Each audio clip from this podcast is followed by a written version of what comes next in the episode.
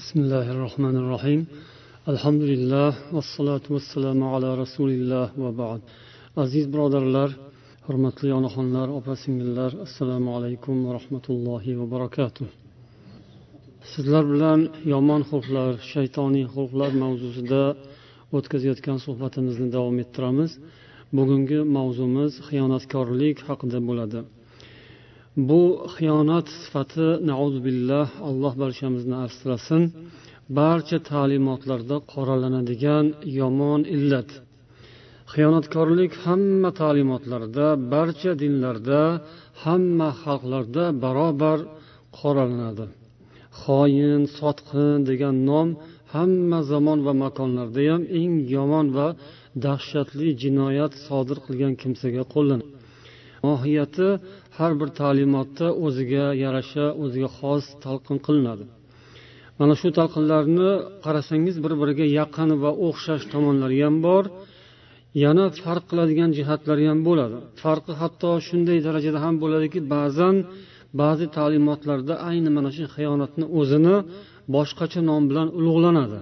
Uni fazilat hislat sifatida targ'ib etiladi ham. Maqtaladi. Billah.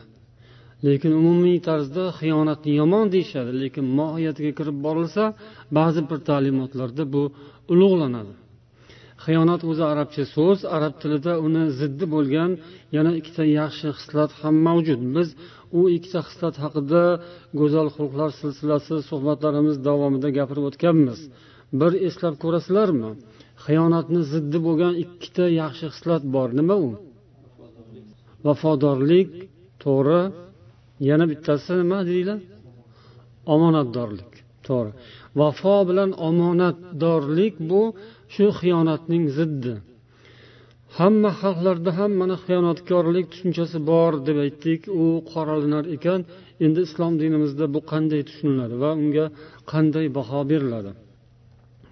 Avvalo rasululloh sollallohu alayhi vasallamning mana bu hadislarini eslasak bo'ladi. Shu o'rinda abu dovud rivoyatlarida kelgan alboniy sahih sanagan abu hurayra roziyallohu anhu rivoyat qilgan hadisda rasululloh sollallohu alayhi vasallamning duolari zikr qilinadi اللهم إني أعوذ بك من الجوع فإنه بئس الضجيع وأعوذ بك من الخيانة فإنها بئست البطانة ey ollohim men sendan ochlikdan panoh so'rayman chunki u eng yomon og'riqdir ya'ni ochlik sababsiz behuda bekorchi ochlik Yoki bir musibat balo ocharchilik.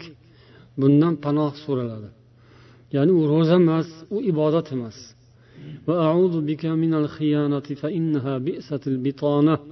Men sendan xiyonatdan asrashingni so'rayman chunki u eng yomon do'st eng yomon hamxona eng yomon hamrohdir. Al bitona degani o'zi batndan olingan batn qorin degani kiyimning bitonasi bo'ladi kiyimni ichki tomonini arabchada al bitona deyiladi. O'zbekchada nima deydi uni? Astari deydi. Kiyimning ichi astari ya'ni u insonning ichiga tegib turadi qorniga tegib turadi kiyimning ichi. Bitona ham insonni ichiga kirib ketgan do'sti bo'ladi. Bitona yaxshi ma'noda ham ya'ni do'st birodar yaqin hamxona hamroh bular bitona bo'ladi. Rasululloh sollallohu alayhi vasallam xiyonatni bitonat dedilar. Ya'ni bitonat insonni ichida bo'ladigan yaqinida bo'ladigan hamroh bo'lib yuradigan lekin eng yomon narsa eng yomon hamroh eng yomon do'st eng yomon hamxona shu bitona xiyonat. Shundan asragin deb so'radilar. Endi mana shu xiyonatni nima ekanini avvalo lug'aviy va islohiy ma'nolaridan boshlab o'rganamiz. Lug'aviy jihatdan xona yaxunu fe'lidan olingan ya'ni xiyonat mana yuqorida aytdik arabcha kalima o'zbek tilida ishlatiladi. O'zbekchaga qanday bo'lsa shunday kirgan arab tilidagi ma'nosida to'g'ri to'kis ishlatiladi o'zgartirmasdan. Endi buning ildiziga negiziga qarasak xona yaxunu fe'lidan olingan xo vov nun buning o'zagi asli. Tadullu ala tanaqqus lug'aviy jihatdan bu nuqsonga dalolat qiladi. Nuqson degani ekan. Vafoning nuqsoni ya'ni vafosida nuqson bor kamchilik bor degani bo'lar ekan. Naqidul al buning teskarisi omonat. Qur'oni karimda alloh taolo la taxunulloha va rasula va taxunu amanatikum degan. Allohga va rasulga xiyonat qilmangizlar omonatlaringizga ham xiyonat qilmanglar degan. Qaysi sura bu? Anfol surasi yigirma sakkizinchi oyat. Yana bu oyatning sababi nuzulida nazala fi munafiq kataba ila abi sufyan yutli'uhu ala sirril muslimin. Musulmonlarning sirlarini fosh qilib abu sufyonga xat yozgan bir munofiq haqida nozil bo'lgan edi deyishadi mufassirlar. Ad-din. Yana tafsiru tabariyda buni din deb ham ta'riflashdi ya'ni omonat u dindir uning ziddi esa xiyonatdir. Bir qancha ma'nolar berilgan. Mana bu oyat annakum kuntum anfusakum. Alloh taolo bildi sizlar o'zlaringizga o'zingiz xiyonat qilayotganingizni deb yengilliklar berdi. Ya'ni ro'zaning avval boshlab farz bo'lgan holatidagi nozil bo'lgan oyat baqara surasining bir yuz sakson yettinchi oyati. Shunda mana shu oyatga berilgan ma'nolarning ichida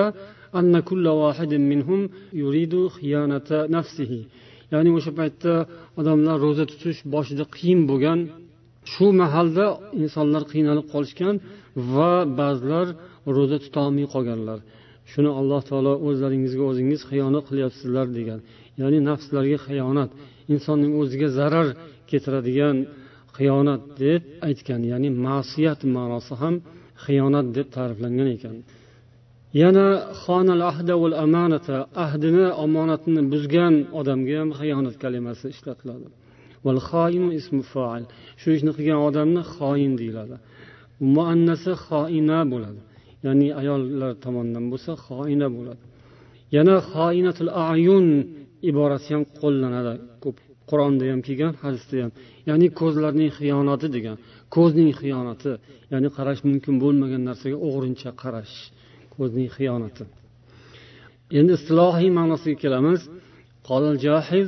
الخيانة هي الاستبداد بما يؤتمن الإنسان عليه من الأموال والأعراض والحرم وتملك ما يستودع ومجاحدة مودعه xiyonat bu inson mol dunyo or nomus va mahram kabi omonat saqlanadigan narsalarga tajovuz qilish mol dunyo omonat qo'yiladi or nomus omonat saqlanadi birovning obro'si omonat har bir inson uchun mahramlar yaqin kishilar mahram nomahram bilasizlar.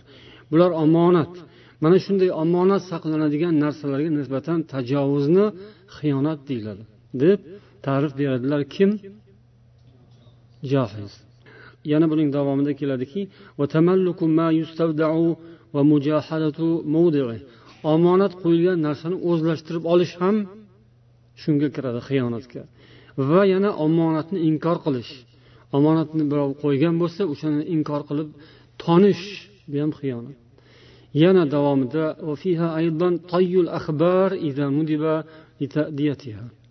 xabarlarni ma'lumotlarni o'z egalariga yetkazishdan to'sish ham xiyonatga kiradi yana davomida وتحريف الرسائل إذا تحملها فصرفها عن وجوهها maktublar elchilarni yoki elchilikni o'zgartirish boshqa yoqqa burib yuborish buzib talqin qilish yetkazilishi kerak bo'lgan bir maktub yoki xabarni buzish قال المناوي الخيانة هي التفريط في الأمانة munoviyning ta'riflarida xiyonat bu omonatga tajovuz qilish qisqasi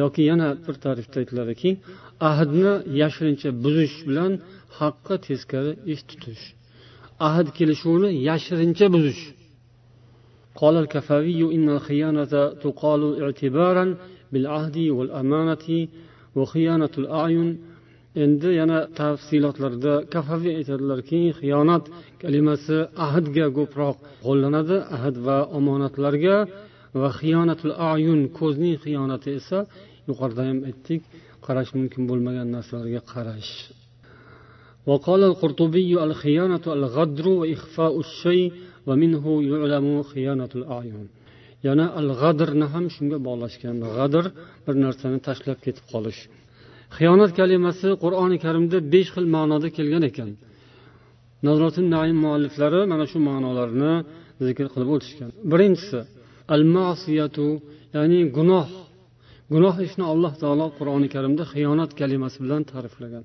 Buning misoli yuqorida o'tdi.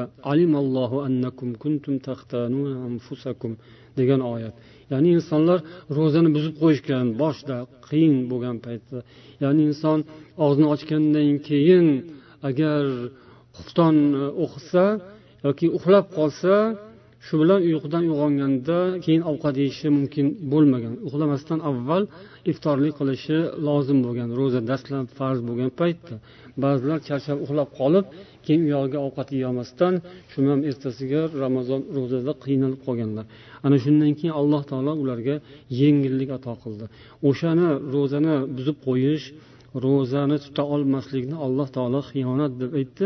Ya'ni ma'siyat xiyonat bo'lar ekan. Ikkinchi ma'nosi naqdul ahd. Ya'ni ahdni buzish kelishuvlarni buzish. Buni ham xiyonat deb aytiladi va bu ko'pchilikka ma'lum. Uchinchi ma'nosi tarkul amanati omonatni tark qilish.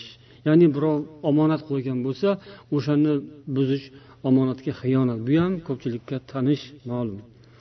To'rtinchi ma'nosi al muxolafatu fid din dinga teskari ish tutish ya'ni nazubillah dindan chiqish.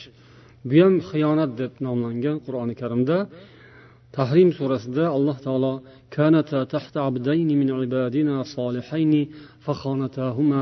degan. Ya'ni ikki solih bandamizning nikohida bo'lgan ayol ularga xiyonat qildilar degan. Kim edi bu ikkita solih inson?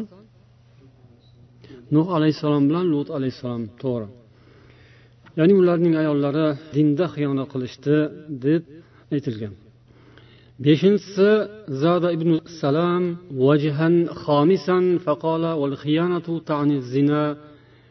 Beshinchisi zino ma'nosida kelgan alloh taolo xoinlarning makrini to'g'ri yo'lga boshlamaydi. Olloh ularni adashtirib yuboradi degan oyat qaysi surada bu? Yusuf surasida. Demak qur'oni karimda kelgan xiyonat kalimasi mana shu besh xil ma'noni ifodalab kelgan ekan. Endi ulamolar xiyonatning hukmini bayon qilishadi. Imom zahabiy va ibn hajar rahimahumallohlar o'zlarining kitoblarida xiyonatni gunohi kabira qatorida sanashgan. Buning gunohi kabira ekanligi qur'oni karim oyatlarida demak bu sifatni illatni qoralangani va payg'ambarimiz sollallohu alayhi vasallam xiyonatni munofiq alomatlaridan biri sifatida gapirganlari. Bu hujjat ya'ni buxoriy va muslimda kelgan hadisda va xona degan ibora bo'lgan. Ya'ni munofiqning alomati sifatida agar unga omonat qo'yilsa u xiyonat qiladi deganlar. Yana rasululloh hadislarida iza addil amanata ila man xonaka dedilar. Abu dovud rivoyat qilgan hadisda ya'ni omonatni egasiga ado qiling egasiga yetkazing sizga xiyonat qilganga xiyonat qilmang. Demak hatto xiyonat qilgan odamga ham xiyonat qilish mumkin emas. Bu xiyonatning gunoh kabira ekanligiga hujjat. Imom zahabiy aytadilar al xiyonatu qabihatun fi kulli shay. Xiyonat hamma ishda ham xunuk va yomon narsa.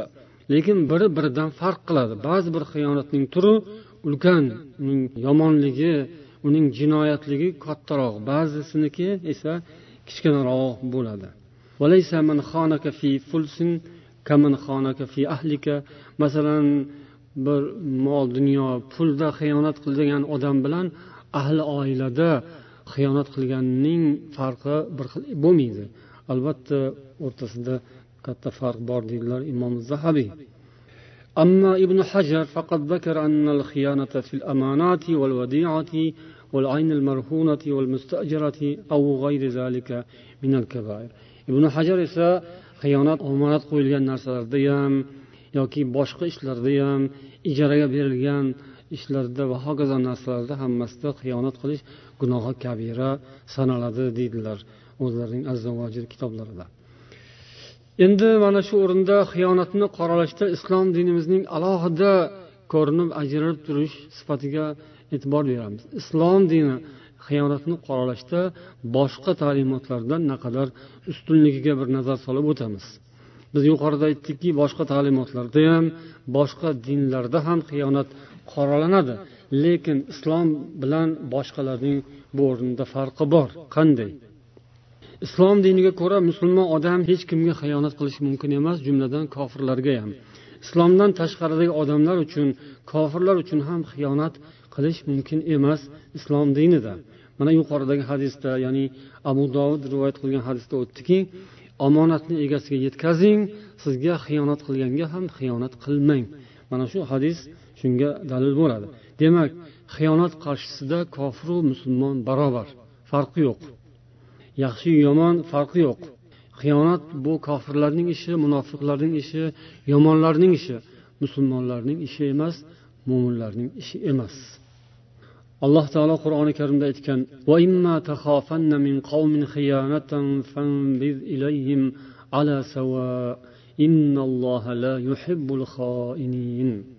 agar siz bir qavmdan xiyonat sodir bo'lishidan qo'rqsangiz bas ahdlarni ularga ochiqchasiga qaytaring. Rad eting. Shubhasiz olloh xoinlarni yaxshi ko'rmaydi degan anfol surasi. Bu oyatning tafsirida asad havmat yozadilarki agar bir qavm bilan kelishuv tuzilgan bo'lsayu shu kelishuvni ular buzishi xavfi paydo bo'lsa ya'ni ular xiyonatkor qavm bo'lib tanilgan va bu sulhni kelishuvni tinchlik shartnomasini buzish ehtimoli ko'rinib qolgan bo'lsa siz ularga ochiqchasiga ahdni buzing ya'ni e'lon qiling.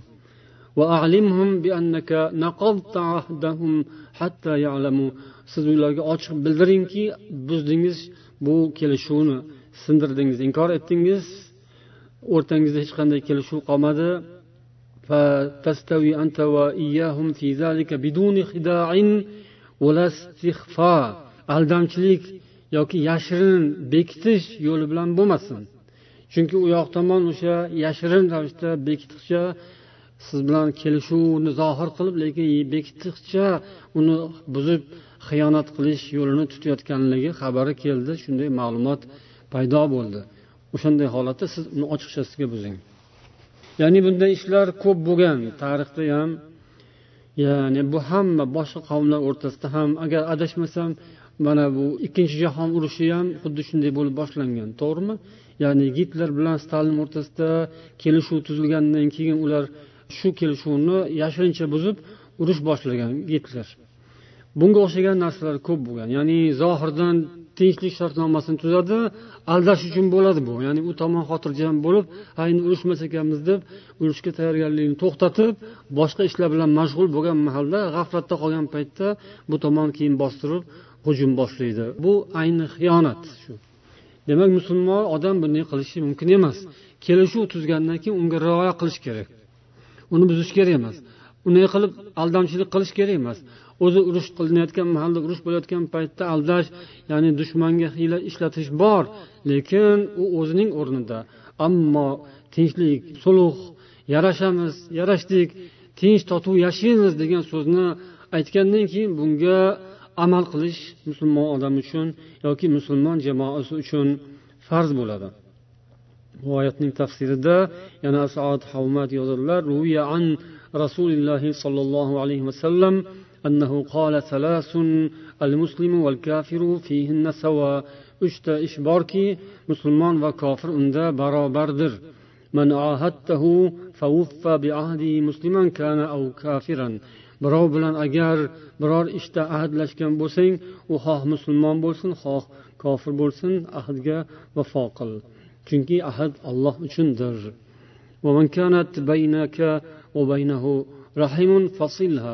sen bilan uning o'rtasida kim bo'lsa bo'lsin musulmon xoh kofirdir agar sila qarindoshlik rishtalari bo'lsa buni rioya qil ومن ائتمنك على أمانة فأدها إليه مسلما كان أو كافرا kimniki senda omonati bo'lsa u xoh musulmon bo'lsin xoh kofir bo'lsin egasiga yetkaz ravohul bayhaqiy quyidagi hadisda abu dovud va nisoiylar rivoyat qilishgan hadis buni alboniy sahih sanagan payg'ambarimiz sollallohu alayhi vasallam fathi makka kunida oldilariga usmon bin affon roziyallohu anhu abdulloh bin saad bin abi sarhni yetaklab olib kelganlari rivoyat qilinadi.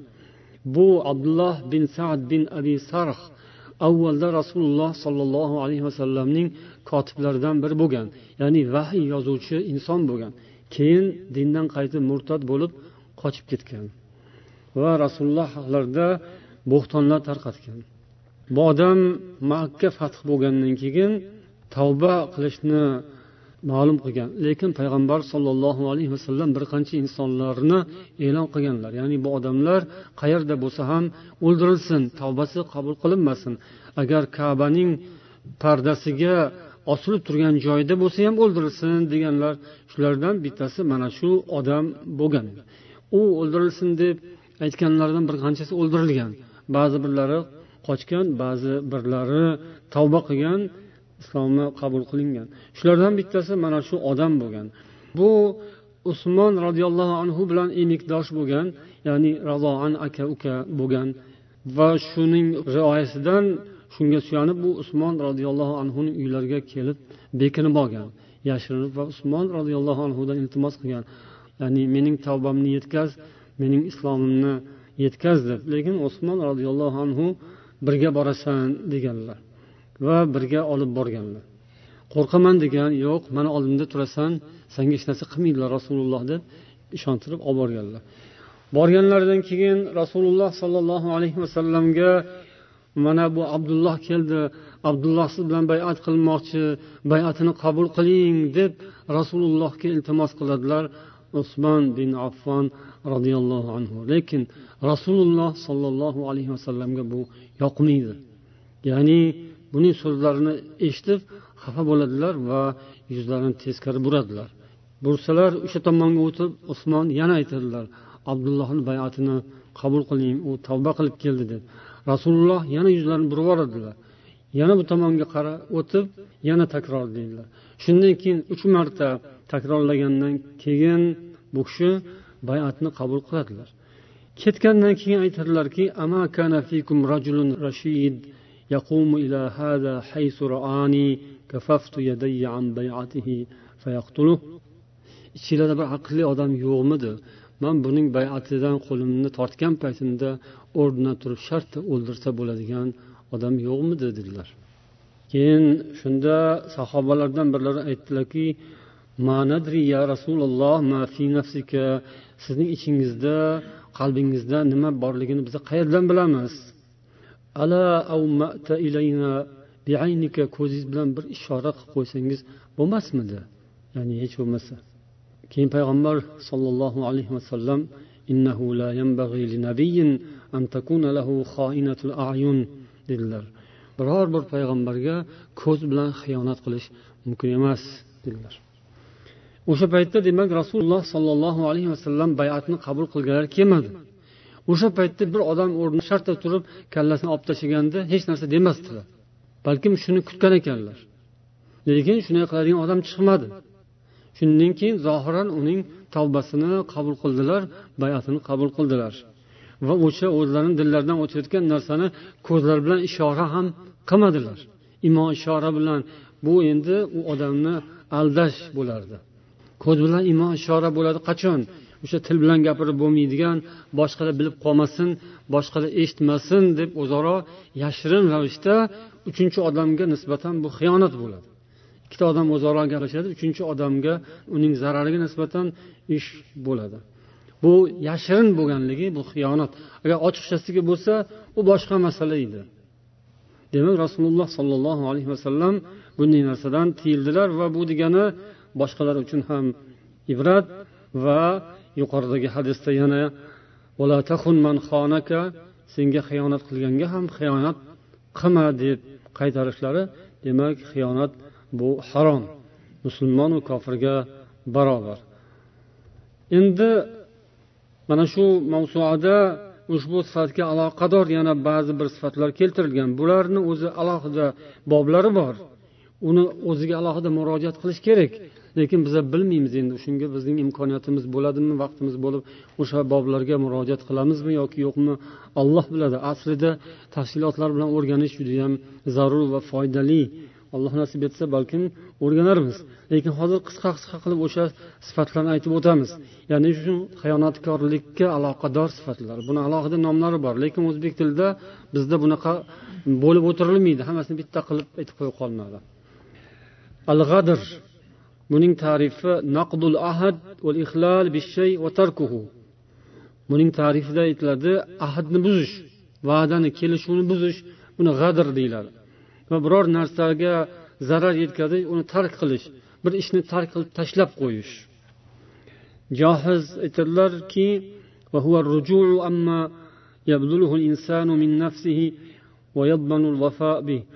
inson o'zi vafo qilishi lozim bo'lgan ishlarni tark qilishi undan qaytishi g'adr bo'ladi. Judayam yomon xunuk xulq. Fihi manfaatun yoki bi sohibihi fihi manfaatun. Buning sohibiga manfaat ozgina foyda bo'lsa ham odamlarga foyda bor bo'ladida dunyoviy shuning uchun mana shu ishlarni qiladi. Shu xiyonatda yoki g'adirda aldamchilikda insonning nafsiga foyda bor. Nafs qildiradi buni. Moddiy yoki bir dunyoviy lazzat foydasi bo'ladi shuning uchun qiladi. Lekin bu gunoh va jinoyat.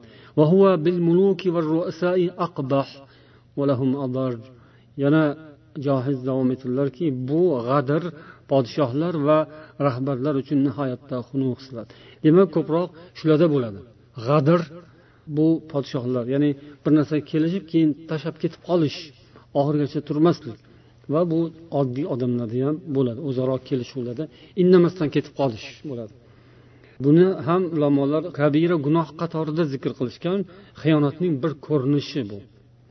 yana biri al g'ish g'ishni tarifi shuki al g'ishu وهو ما أشار إليه الإمام الذهبي في حديثه عن الكبيرة السادسة عشرة g'ish bu aldamchilik g'irromlik bo'ladi bu narsa savdo sotiqda nasihatda va siyosatda bo'lar ekan uch xil o'rinda bo'ladi ekan g'ish rasululloh sollallohu alayhi vasallam hadislarida ayyuma ra'in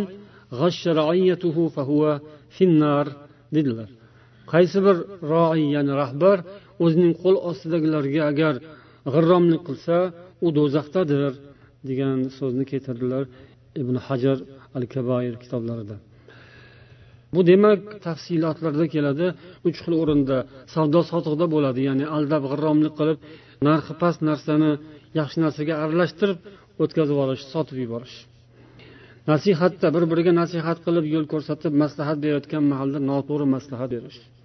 Siyosatda rahbar xalqqa nisbatan g'irromlik qilish ularni aldash. Yana shunga doir bog'liq sifatlardan biri al g'ulul bu al xiyanatu fi bayti malin aw zakatin aw g'animatin bu mol mulkda bo'ladi asosan. G'ulul ya'ni zakot molini taqsimlashda o'zlashtirish yoki g'animat moli yoki baytul molning mulkini tasarruf qilishda xiyonat qilish buni otini g'ulul deyiladi yana biri attanassul minal mas'uliya mas'uliyatdan qochish bu ham xiyonatning bir turi ekan التهرب منها يعني التبرؤ من الالتزام بما سبق للإنسان تحمله من مسؤولية والخروج من عهدة ذلك شيئا فشيئا inson o'zining zimmasiga olgan mas'uliyat bo'ladi vazifasi bo'ladi o'sha vazifalarni qochish shayan fashayan oz ozdan har xil bahonalarni qilib o'zini chetga olish buni attanassul minal mas'uliya deb aytiladi mana shu xiyonatkorlik mavzusining ilovasi tarzida bunga aloqador sifatlar yoki illatlar sifatida keltirilgan ya'ni at tadrijiy inson avval shu narsani qilishini o'zini zimmasiga olgan yoki shu qilishi lozim bo'lgan vazifadan tadrijiy ravishda ya'ni bosqichma bosqich o'zini uzoqlashtirish.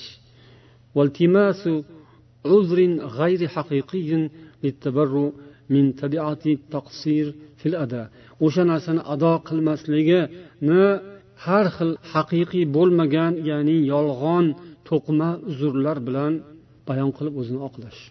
Bu narsa ko'p sodir bo'ladi. Musulmonlar qilishi lozim bo'lgan ishni qilmaydi. Ba'zilar zimmasiga olgan vazifasini yaxshi bajarmaydi. Ba'zilar vazifasini bajarmaydi. Bir ishni unga topshiriladi.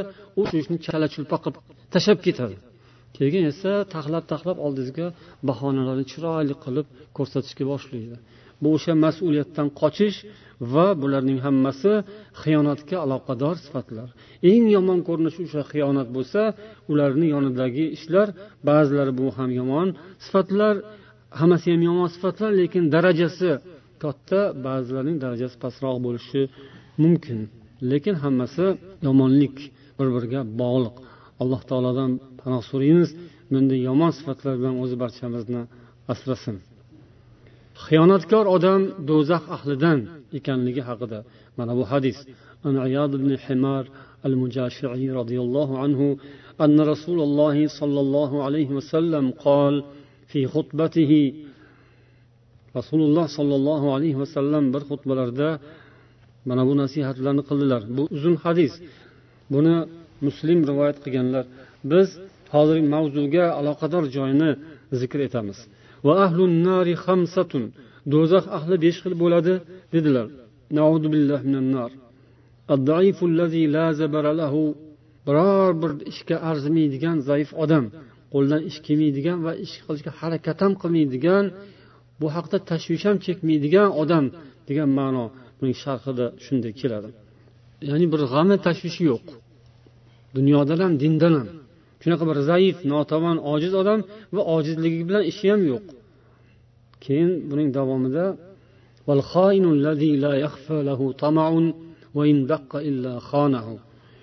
hechgina narsa bo'lsa ham o'shani ko'zdan qochirmay o'shanga tama bog'laydigan xoin. Ozgina ishda xiyonat qilib bir maqsad yo bir manfaatga erishish mumkin bo'lsa albatta o'shanda xiyonat qiladigan xoin. Ya'ni kichkina ishni ham qoldirmasdan xiyonat qilaveradigan kattasiyu kichkinasini farqlamaydigan shunday odam. Yana davomida ashinzir al fahosh dedilar ya'ni xulqi buzuq yomon odam xulqi yaramas odam. Mana shu hadisdan demak hozirgi mavzuga bog'liq joyi o'sha xiyonatni farq qilmaydigan odam. Yana bir hadisda aytdilar قال الله ثلاثة أنا خصمهم يوم القيامة uch toifa odam borki qiyomat kuni men o'zim ularga qarshi da'vogar bo'laman deb aytdi alloh taolo. Rajulun atabi summa g'adar menga va'da berib keyin tashlab ketgan odam. Va rajulun ba'a hurran fa akala tamana ozod hur insonni sotib pulni yegan odam. Va rajulun istajara ajiran bir insonni mardkorlikka olib ishga yollab uni yaxshilab ishlatib keyin ajrini ya'ni uning mehnat haqini bermagan odam. Ravohil buxoriy. Bu narsalar ham odamlar orasida ko'p uchraydi. Va'da berib kelishuv imzolab yoki kelishib keyin tashlab ketib qoladiganlar yoki mana odam savdosi bilan shug'ullanadiganlar uchinchisi esa odamni ishlatib pulni bermaydiganlar. Bular kichkina emas borib to'ppa davlatlarning o'zi qilayotgan ishlar bular. Hukumat rahbarlari ayrim davlatlarning rahbarlarining ishi shu bo'lib qolgan. Ular shunday qilib kun ko'radi. Ularni noni joni shunaqa bo'lib qolgan. Ya'ni odamdan aldab kimnidir qul qilib kimnidir yillab ishlatib dalada yoki zavodda bir befoyda kartochka bilan aldab yoki ozgina narsani berib qo'yib shu bilan ularni qul qilib shunday ezib ularni xorlab qiynab umr o'tkazayotgan siyosat yurgizayotgan odamlar ham mana shunga daxldor bo'ladi. Mualliflar ushbu mavzu davomida qur'oni karimdagi oyatlarni keltirishadi va oyatlarni mavzularga ajratganda al xiyonatu samaratul kufri avin nifoq degan bir sarlavha qo'yishgan. Xiyonat kufr va nifoq natijasidir. Avval boshlab xiyonat shu kofirlik va munofiqlikdan tug'iladi. Keyin u musulmonlar ichida ham uchraydi. Bunga dalil qilib moida surasidagi o'n ikkinchi o'n uchinchi oyatlarni keltirilgan. U yerda alloh taolo banu isroildan ahdi paymon olgani keyinchalik ular bu ahdlarni buzganlari haqida zikr qilingan. فبما نقضهم ميثاقهم لعناهم وجعلنا قلوبهم قاسية يحرفون الكلم عن مواضعه biz ularning ahdlarini buzganlari tufayli la'natladik va ularning qalblarini qoraytirib tosh qilib qotirib qo'ydik ular ollohning so'zlarini o'z o'rnidan o'zgartiradigan bo'ldilar yana shu oyatning davomida ولا تزال تطلع على خائنة منهم إلا قليلا منهم degan ularni hanuzgacha xiyonat sodir etayotganlarini ko'rasiz illo ozgina qismlari bundan mustasno degan. Ya'ni kofir qavmlar xiyonat bilan mashhur bo'lgan tanilganlarini ya'ni banu isroildan bo'lgan toifalarni alloh taolo qur'oni karimda mana shunday deb qoralagan. Yana haj surasining o'ttiz sakkizinchi qirqinchi oyatlarida ham إن الله يدافع عن الذين آمنوا إن الله لا يحب كل خوان كفور degan olloh iymon keltirgan insonlarni o'zi mudofaa qiladi himoya qiladi albatta olloh har qanday xoin xiyonatkor va kofir kimsani yaxshi ko'rmaydi degan va bu oyatlar bilan yuqorida qo'yilgan sarlavhadek haqiqatdan ma'no anglashiladiki kufr va nifoq mana shunday xiyonatni keltirib chiqaradi.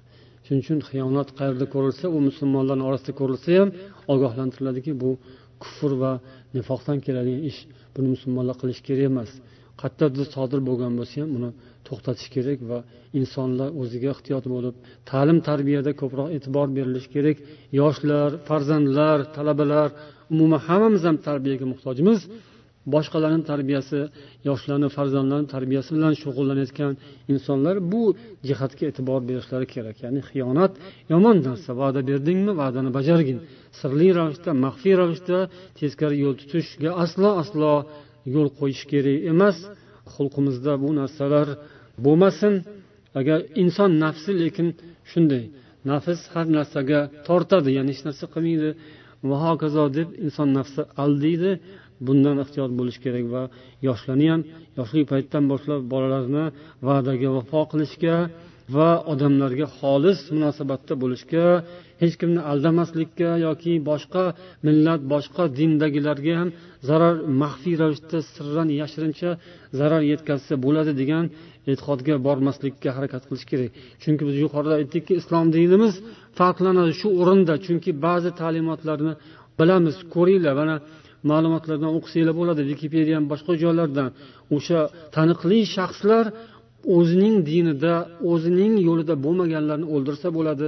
Ularni xudo bizning qulimiz qilib yaratgan bizni oliy irq qilib yaratgan bizning qavmimizni boshqa qavmlar bizga hammasi hayvondek quldek eshakdek itdek ularni ishlatilsa bo'ladi ishlamasa o'ldirsa bo'ladi degan ta'limot bor dunyoda hozir.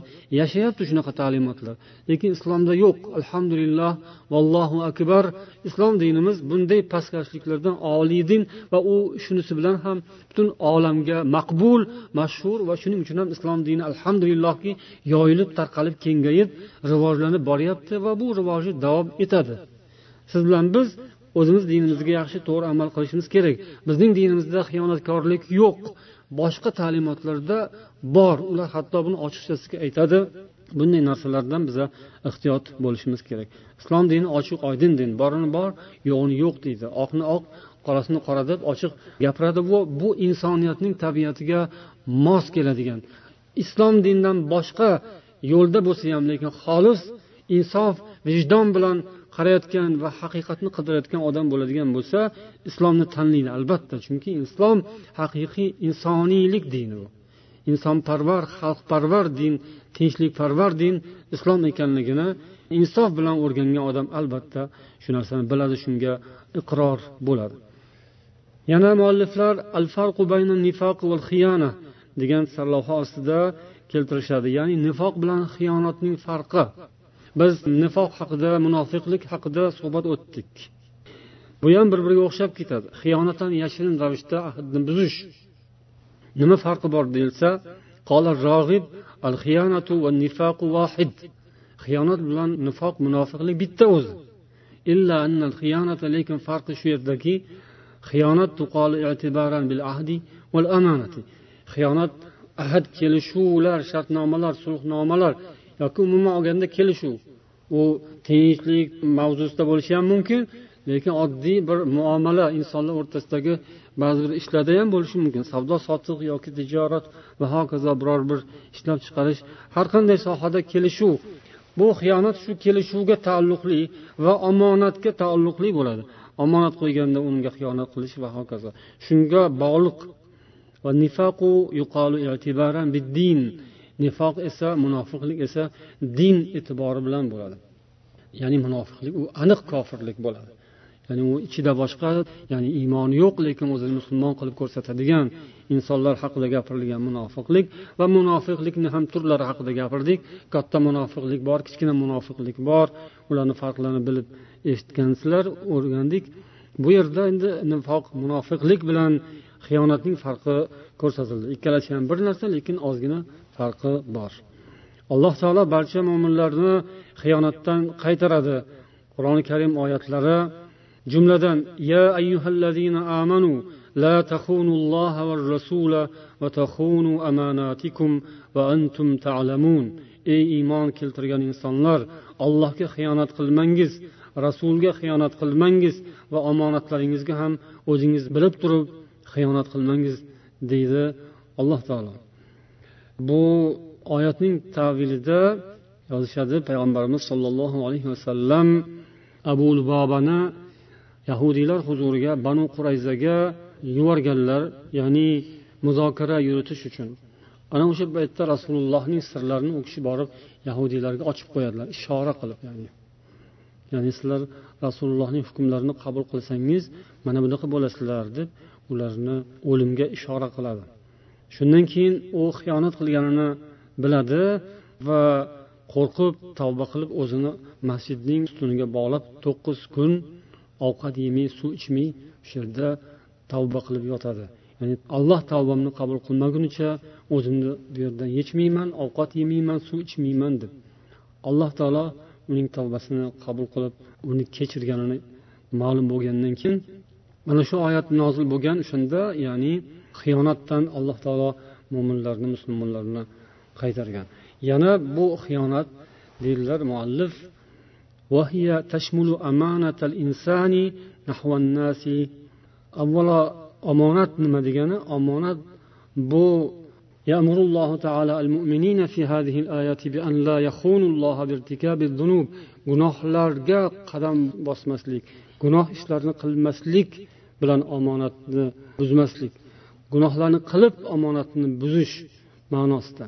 Shundan alloh taolo qaytardi. Undan keyin esa o'zaro bir biringiz bilan munosabatlarda ham omonatga rioya qiling xiyonat qilmang dedi deb tavil qilishadi.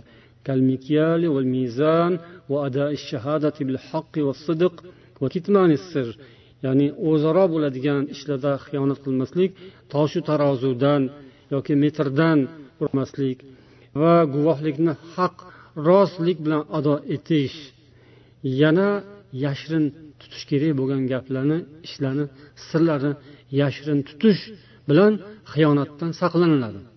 Mana shu aytilgan narsalar buzilsa xiyonat sodir bo'lgan bo'ladi.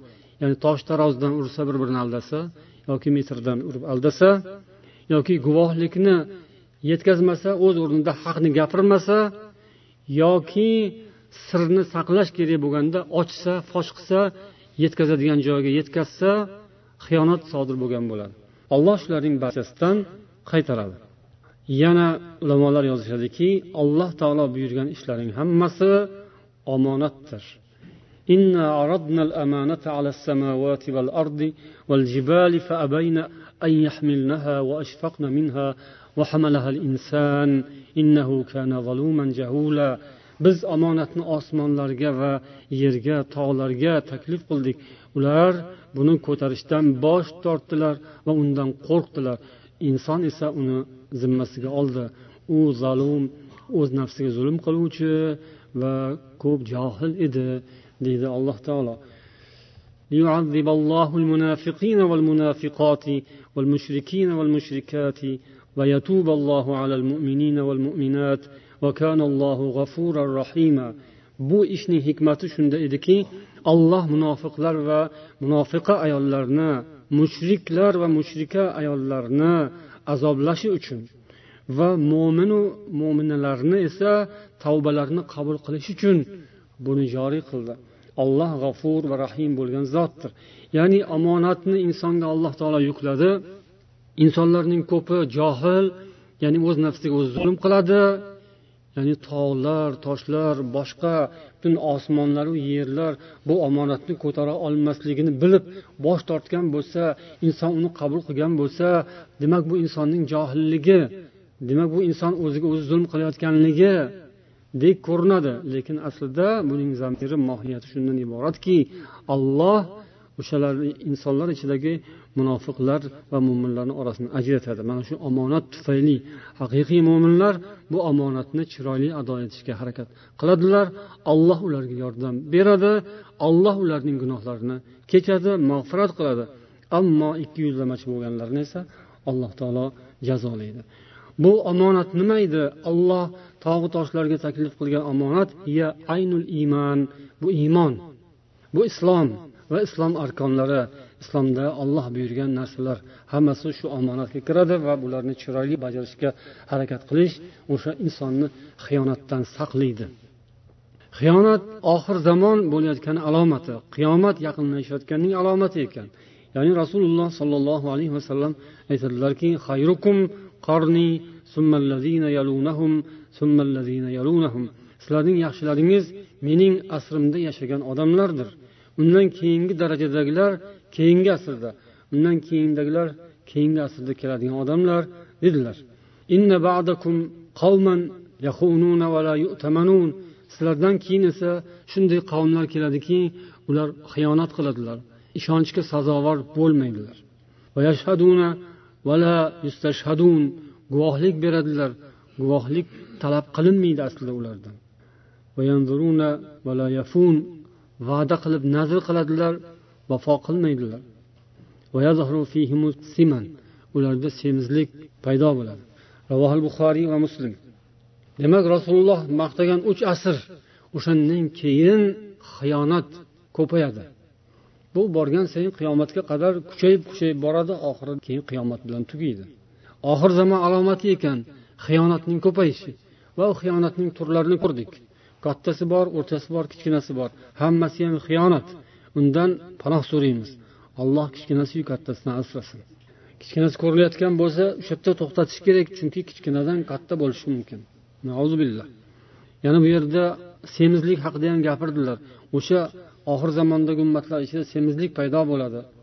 Buni endi mana ulamolar sharhida aytishgan buni aytib o'tishimiz kerak. Ya'ni to'g'ri ba'zi odam semiz bo'lishi mumkin ba'zi og'riq bo'lishi mumkin lekin buni sababi bor. Agar semizlik kasallik tufayli bo'lsa yoki nasl nasab tufayli bo'lishi ham mumkin. U ma'zur. Lekin beg'amlik badnafslik molparastlik nafsiga ruju qo'yish tufayli bo'lsa iroda qilingan hadisda nazarda tutilgani shu tomon.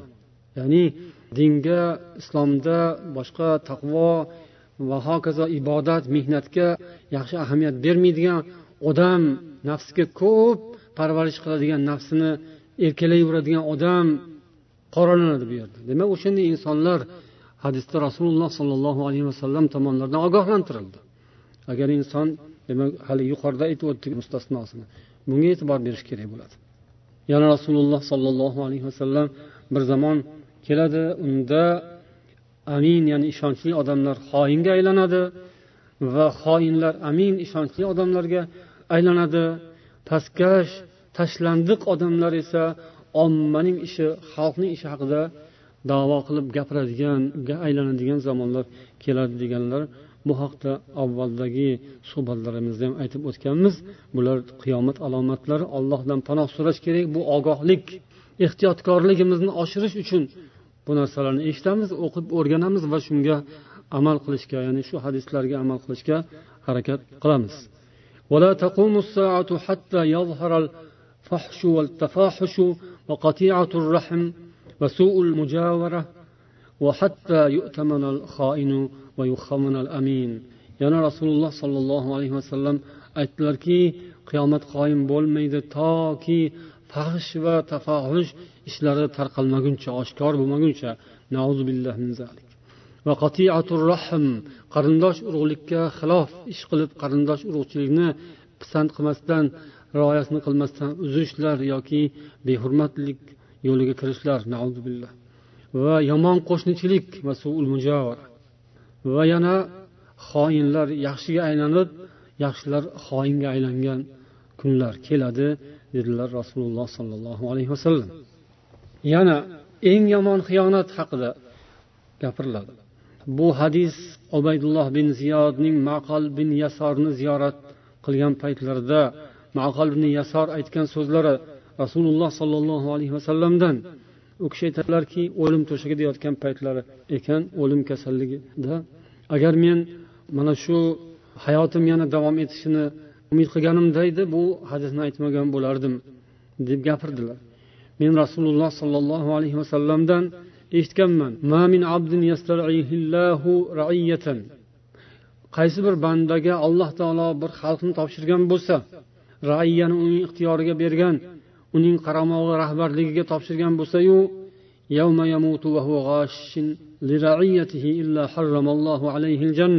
o'layotgan mahalda o'zining raiyasi ya'ni xalqiga xiyonat qilgan holda uni aldamchilik qilib ularga nisbatan g'irromlik qilgan holda o'lar ekan alloh unga jannatni harom qiladi deganlar ravohi muslim yana muslim rivoyat qilgan hadisda va buxoriy ham rivoyat qilgan ekanlar an abi saidin roziyallohu anhu قال رسول الله صلى الله عليه وسلم لكل غادر لواء يوم القيامة يرفع له بقدر غدره har bir g'odir ya'ni g'irrom aldamchi muttaham odam uchun qiyomat kuni bayroq ko'tariladi va uning bayrog'i dunyoda qilgan g'irromligi muttahamligi aldamchiligi va xiyonatiga yarasha bo'ladi.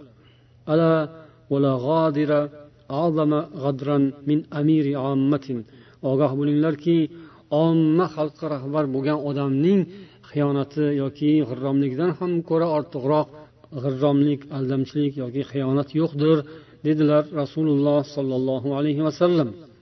أي من غدر صاحب الولاية العامة لأن غدره يتعدى ضرره إلى خلق كثير chunki ommaga rahbar bo'lgan odamning zarari ko'pchilikka uradi demak eng yomon xiyonat eng yomon aldamchilik podshohning yoki rahbarlarning aldamchiligi bo'lar ekan endi mavzumizning nihoyasiga kelyapmiz bu o'rinda biz yuqorida endi hozir rahbarlar yoki podshohlarga tegishli bo'lishi mumkin bo'lgan xiyonat haqida gapirdik endi hamma uchun barobar tegishli bo'lgan mana bu hadisni o'qiymiz عن أبي هريرة رضي الله عنه عن رسول الله صلى الله عليه وسلم أنه قال من استشاره أخوه المسلم فأشار عليه بغير رشد فقد خانه bu hadisni avvalida ham bir jumlalar bor man mavzuga tegishli joyini o'qidim Qaysi bir insonni bir musulmon birodari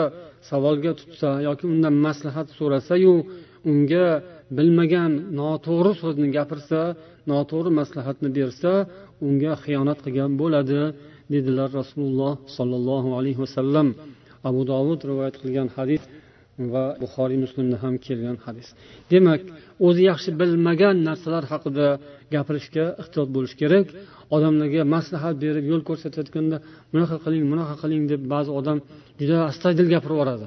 O'zi yaxshi bilmaydi hujjatlarini oyat va hadisdan bilmaydi kimdandir eshitib olgan faqat. O'sha eshitib olganiga mahkam suyanib o'shanga ishonib o'sha odam to'g'ri gapiryapti deb o'ylagani uchun qattiq gapirib maslahat beradi yoki yo'l ko'rsatadi. Bu odam xiyonat qilgan bo'ladi. Shuning uchun har bir inson o'zi yaxshi bilsin.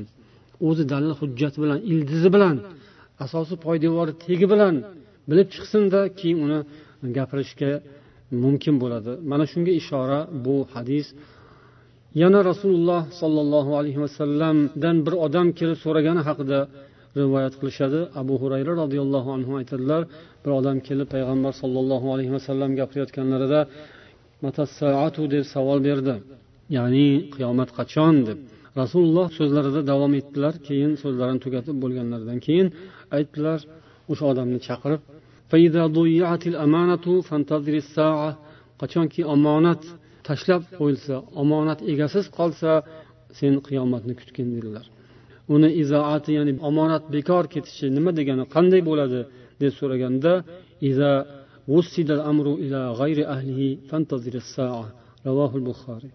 ish o'zining egasidan boshqaga topshirilsa shunda qiyomatni kut dedilar demak ish rahbarlik yoki boshqa bir ish ham bo'lsa egasidan boshqaga topshirilgan bo'lsa omonat tashlab yuborilgan bo'ladi omonatni oyoq ostiga tashlangan bo'ladi va bu qiyomat alomati bo'ladi. Bu yomon narsa. endi xiyonat mavzusining xulosalariga kelamiz mualliflar buni min xiyona deb yozishadi xiyonatning zararlari yoki shu mavzuning xulosasi birinchisi xiyonat insonga ollohning g'azabini yog'diradi insonga ollohni g'azabini olib keladi ikkinchisi جرده من إنسانيته وجعله agar bu shunday bir kasallikki xiyonat insonning tanasiga kiradigan bo'lsa uni insoniylikdan mahrum qiladi. Insoniylik libosini yechib tashlaydi. Odamgarchiligi qolmaydi u odamni. U vahshiy bir hayvonga aylanadi faqat o'zining lazzatlari ketidan yuguradigan hayvonga aylanadi. Uchinchisi min alamatin nifoq xiyonat bu munofiqlik alomatlaridan biri. To'rtinchisi tariqun muvassilun ilal ar fi dunya va nar fil oxirati. Bu dunyoda or nomus ketadi uyatga qoladi sharmanda bo'ladi oxiratda do'zax oloviga giriftor bo'ladi. Beshinchisi inson ichida saqlaydigan eng yomon narsa. Oltinchisi xiyonatul mujahid fi ahlihi a'zamu jurman min xiyonati g'ayril mujahid. Yuqorida shu mavzuda ham kelgan edi hadislar. Ya'ni mujohidni oilasini tashlab odam. Uning orqasida qolgan unga oila bola chaqasiga qarab turishni zimmasiga olgan inson agar o'sha qoldirilgan ahli ayolga xiyonat qilsa buning xiyonati eng yomon xiyonat bo'ladi.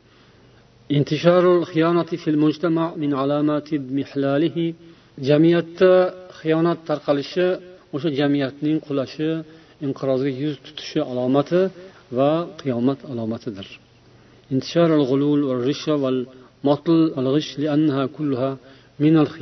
O'sha aldamchilik g'irromlik va hokazo ishlar jumladan poraxo'rlik va mol mulkda xiyonat bularning hammasi xiyonatning ichiga kiradi. Ya'ni ularning nomi har xil bo'lishi mumkin lekin bular xiyonatni har xil ko'rinishlari sanaladi. Alloh taolo barchamizni bunday illatdan o'zi omon saqlasin. Tarbiyamiz chiroyli bo'lsin. Bolalarimiz shogirdlarimiz hammalari iymon ixlos omonatdorlik ruhida vafodorlik ruhida tarbiya topishlarini alloh nasib etsin سبحانك اللهم وبحمدك أشهد أن لا إله إلا أنت أستغفرك وأتوب إليك والسلام عليكم ورحمة الله وبركاته